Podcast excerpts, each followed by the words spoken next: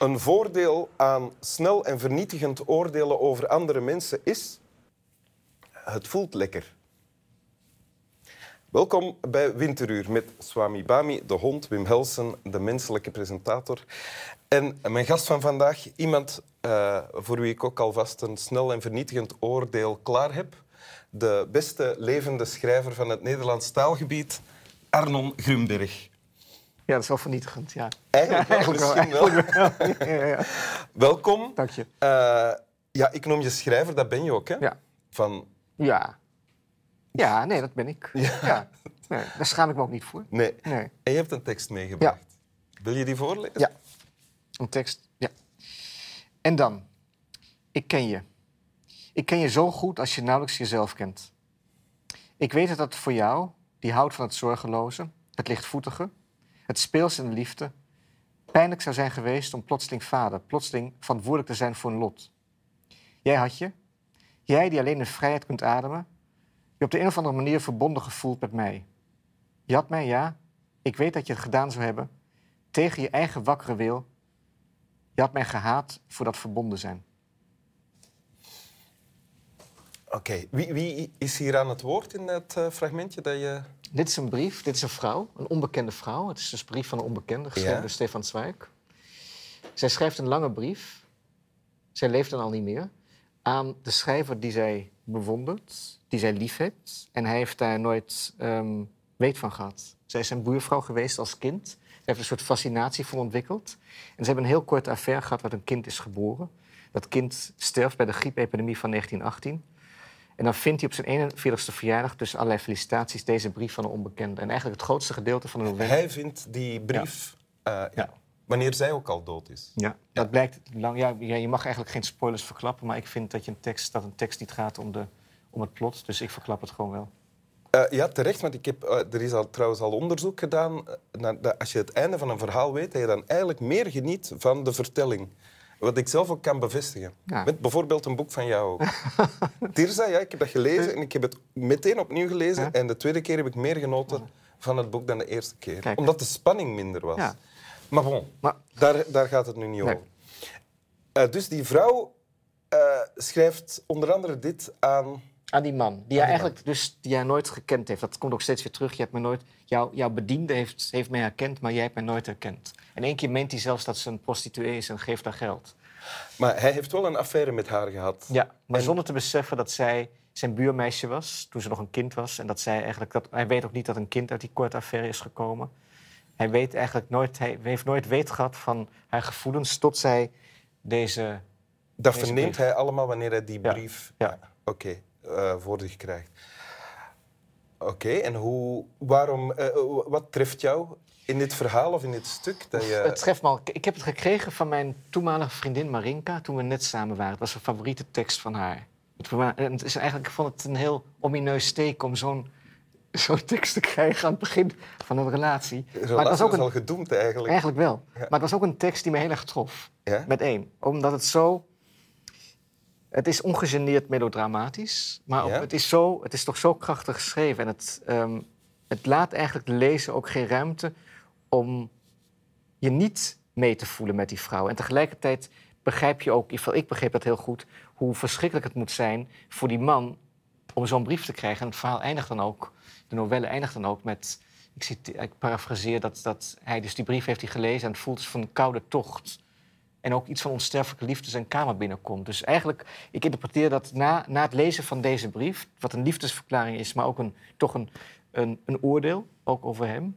hoewel ze dat zegt, niet te willen oordelen... hem alleen maar haar verdriet wil tonen... dat, dat lichtvoetige waar hij zo van houdt... nooit meer hetzelfde kan zijn. Want welk, wat is het oordeel dat erin zit dan? Dat hij haar niet gezien heeft. Dat hij haar niet Ja. gezien heeft. Ja. Ja. En dat dwingt ze dan postuum af met Ja, een brief. ja het, die is, het is eigenlijk een heel... Ja. En eh, Het is wel mooi, de Chinese-Amerikaanse schrijfster Yiyun Li... die heeft ook in een boek hier over deze tekst geschreven. En zo ben ik eigenlijk weer teruggegaan naar die tekst. En zij zegt eigenlijk is het onduidelijk wie van die twee onmenselijker is. De schrijver die vergeet door zijn frivoliteit en door de manier waarop hij in het leven staat... omdat hij zijn ernst bewaart voor zijn teksten. Of die vrouw die, die eigenlijk zichzelf en uiteindelijk ook hem gevangen houdt in haar geheugen. Want als je zo'n brief krijgt, dan ben je ook een gevangene van... Ja, ik kan me ook niet voorstellen dat je dan ooit nog... Wetend dat je een kind hebt gehad dat gestorven is... dat je de moeder van het kind nooit hebt kunnen waarnemen... als degene die kennelijk zoveel van jou heeft gehouden... dat je in, dat, in je eigen vergeetachtigheid en je eigen toch schuld daarover denk ik ook gevangen bent. Ja, want het... Uh, goh, het duizelt mij nu. Voor de... Want is het een liefdevol... Het uh, lijkt een liefdevol... Of je zou het kunnen zien als een liefdevolle daad van haar... dat ze hem uh, niet wil lastigvallen met het feit dat ze uh, zwanger is, dat ze een kind krijgt. Hè? Omdat ze hem in zijn lichtvoetigheid wil laten. Ze durft het niet. Ze durft het niet? Nee. Ah. Dat denk ik. Want ze gaat wel... Hij herkent haar niet. Ik denk dat, het ook zo, dat ze het zo verschrikkelijk vindt dat hij haar niet herkent. Oh ja. Dat ze bang is voor de nog Ja. grotere afwijzing. Ja. Ah ja, ja. Ja. ja. En dan pas, nu en pas als ze dood is, durft ze het. En dat staat waarschijnlijk niet in de novelle. Verandert er iets bij haar door het op te schrijven? Ja, het verdriet om het verlies van haar kind en om het verdriet van het feit dat, dat de vader van het kind, haar grote liefde, nog dat kind, nog haar heeft, heeft gezien. Dat wordt samen één groot verdriet. En dat is natuurlijk wel. En dat verdriet dat mondt uit in, in, in deze tekst. En in haar eigen dood. Want ze weet dat zij ook aan die griepepidemie. Dat ze, eigenlijk is het onduidelijk of ze dood wil. Of, maar ja, het is geen echte zelfmoord. Maar toch is aan de tekst te lezen dat er voor haar geen plek meer is, vindt ze zelf in het leven. Ja. En maakt zij dan eh, een verschil tussen hij die eh, schrijver is en zij die het leven beleeft? Nee. Nee. Nee. Dat, dat kan ze natuurlijk eigenlijk ook niet maken, want zij schrijft die brief. ja, dat ja, is dus dat, zij is, op het moment, dat is natuurlijk ook het ironische en ook het dubbelzinnige aan die tekst, dat zij, die nooit geschreven heeft, wordt op het eind van haar leven een schrijver. Eigenlijk, dat het, het zijn, die tekst bestaat, de hele novelle is haar brief, meer niet. Ja, Met een hele korte inleiding, een korte uitleiding. ja. En kan jij, kan jij zeggen, wat precies treft jou daar dan zo in? Dat, ook dat je die tekst opnieuw gaat lezen? Want je hebt hem ooit ge- gelezen, maar je hebt hem herlezen ook. Natuurlijk het, het, de, de reflecties over het schrijven, over de frivoliteit, daarom heb ik ook dit gekozen, dus het speelse. Ja. Het, het, het dilemma van, van ehm, dat, dat het speelse, het lichtvoetige, waar ik nog steeds heel erg van hou, ehm, ook neveneffecten heeft die je als speels lichtvoetig mens soms niet kan zien of niet tijdig ziet. Het gaat, ja, wat mij treft in, in deze brief is, is, in deze tekst, is dat je dat je soms pas jaren later ehm, begrijpt wat je hebt aangericht. En dat het dan, als je dat eenmaal begrijpt, is ook geen, geen weg meer terug. Ik vind het eigenlijk een, een gruwelijke tekst. Maar zo gruwelijk, ik bedoel, ik hou van gruwelijke teksten, zo gruwelijk dat, dat hij ook niet loslaat. Hij heeft iets in zijn gruwelijkheid onontkoombaar. Ja. Ik, is dat duidelijk genoeg? Ik denk het wel, want je zei, dat, ja, je zei daarnet ook iets over geheugen. Hè? Ja, Dat zij een soort het, het, het geheugen vertegenwoordigen. Ja, daarna. volstrekt. Zij laat het, ik bedoel, het is natuurlijk eigenlijk, er zit ook iets heel... Aan de ene kant kan je zeggen, dat is de pure romantiek. Ze, dat ze ook weigert, ze wordt, dan een soort, ze wordt een courtisane. Ze zegt, ik geef, maar ik heb er voor geld gegeven. Niet echt een prostituee, maar gewoon mensen die haar dan onderhielden. En ze hebben allemaal van me gehouden. Maar eigenlijk blijft ze wachten op die ene. Dus dat is zo'n obsessie dat ze eigenlijk niet, niet bereid is... ook nog andere mogelijkheden te zoeken. Maar juist die ene die haar niet ziet, dat ze die weigert los te laten. Ja. Dat is aan de ene kant is dat natuurlijk de pure romantiek, de pure overgave. En dat denk ik waar, waar wij, of waar in onze cultuur heel erg. ehm, dat wat in onze cultuur heel erg wordt verheerlijkt en terecht. En tegelijkertijd heeft dat ook iets onmenselijks. Ja, ja. En, dat, en is, is dat, eh, om daar dan op terug te komen, dat geheugen, hè, dat zij dan vertegenwoordigt ook, eh, en het daaraan vasthouden, eh, is dat iets waar je je als schrijvende, als schrijver, kan van vrijmaken of losmaken of, of eh, niet te veel... Ik heb wel eens gezegd dat je als schrijver dat het goed is om een goed geheugen te hebben. Maar ik denk ook dat. Het is natuurlijk heel moeilijk. Aan de ene kant denk ik dat je echt dat je het verleden moet. Nee, ik denk dat we allemaal gevormd zijn door het verleden en dat het in ons verder leeft. Dat het een illusie is te denken en dat het ook gevaarlijk is om, om Te denken heel erg in het- vrij kan ja, dat je, ja. Ja? Maar tegelijkertijd moet je, moet je een vorm van vrijheid voor jezelf creëren. Anders blijf je voor dat verleden een gevangenis.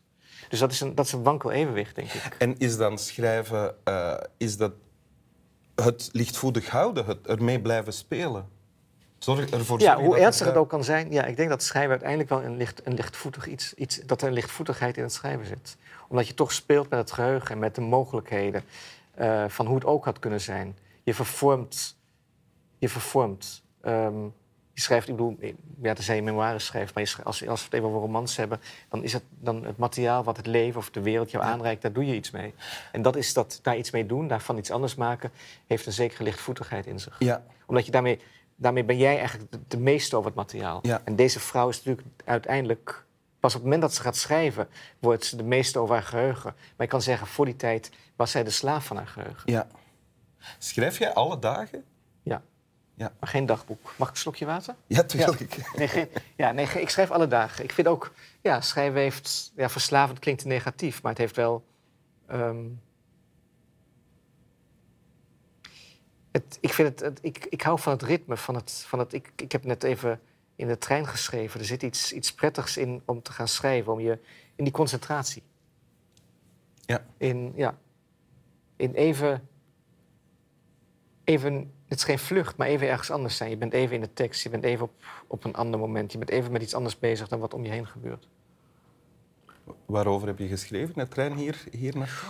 Ik heb net geschreven, ik heb, ik heb een column geschreven over de nacht Mm. voor de VPRO-gids. Dan heb ik altijd van die korte verhandelingen en dit was over de nacht. Oké.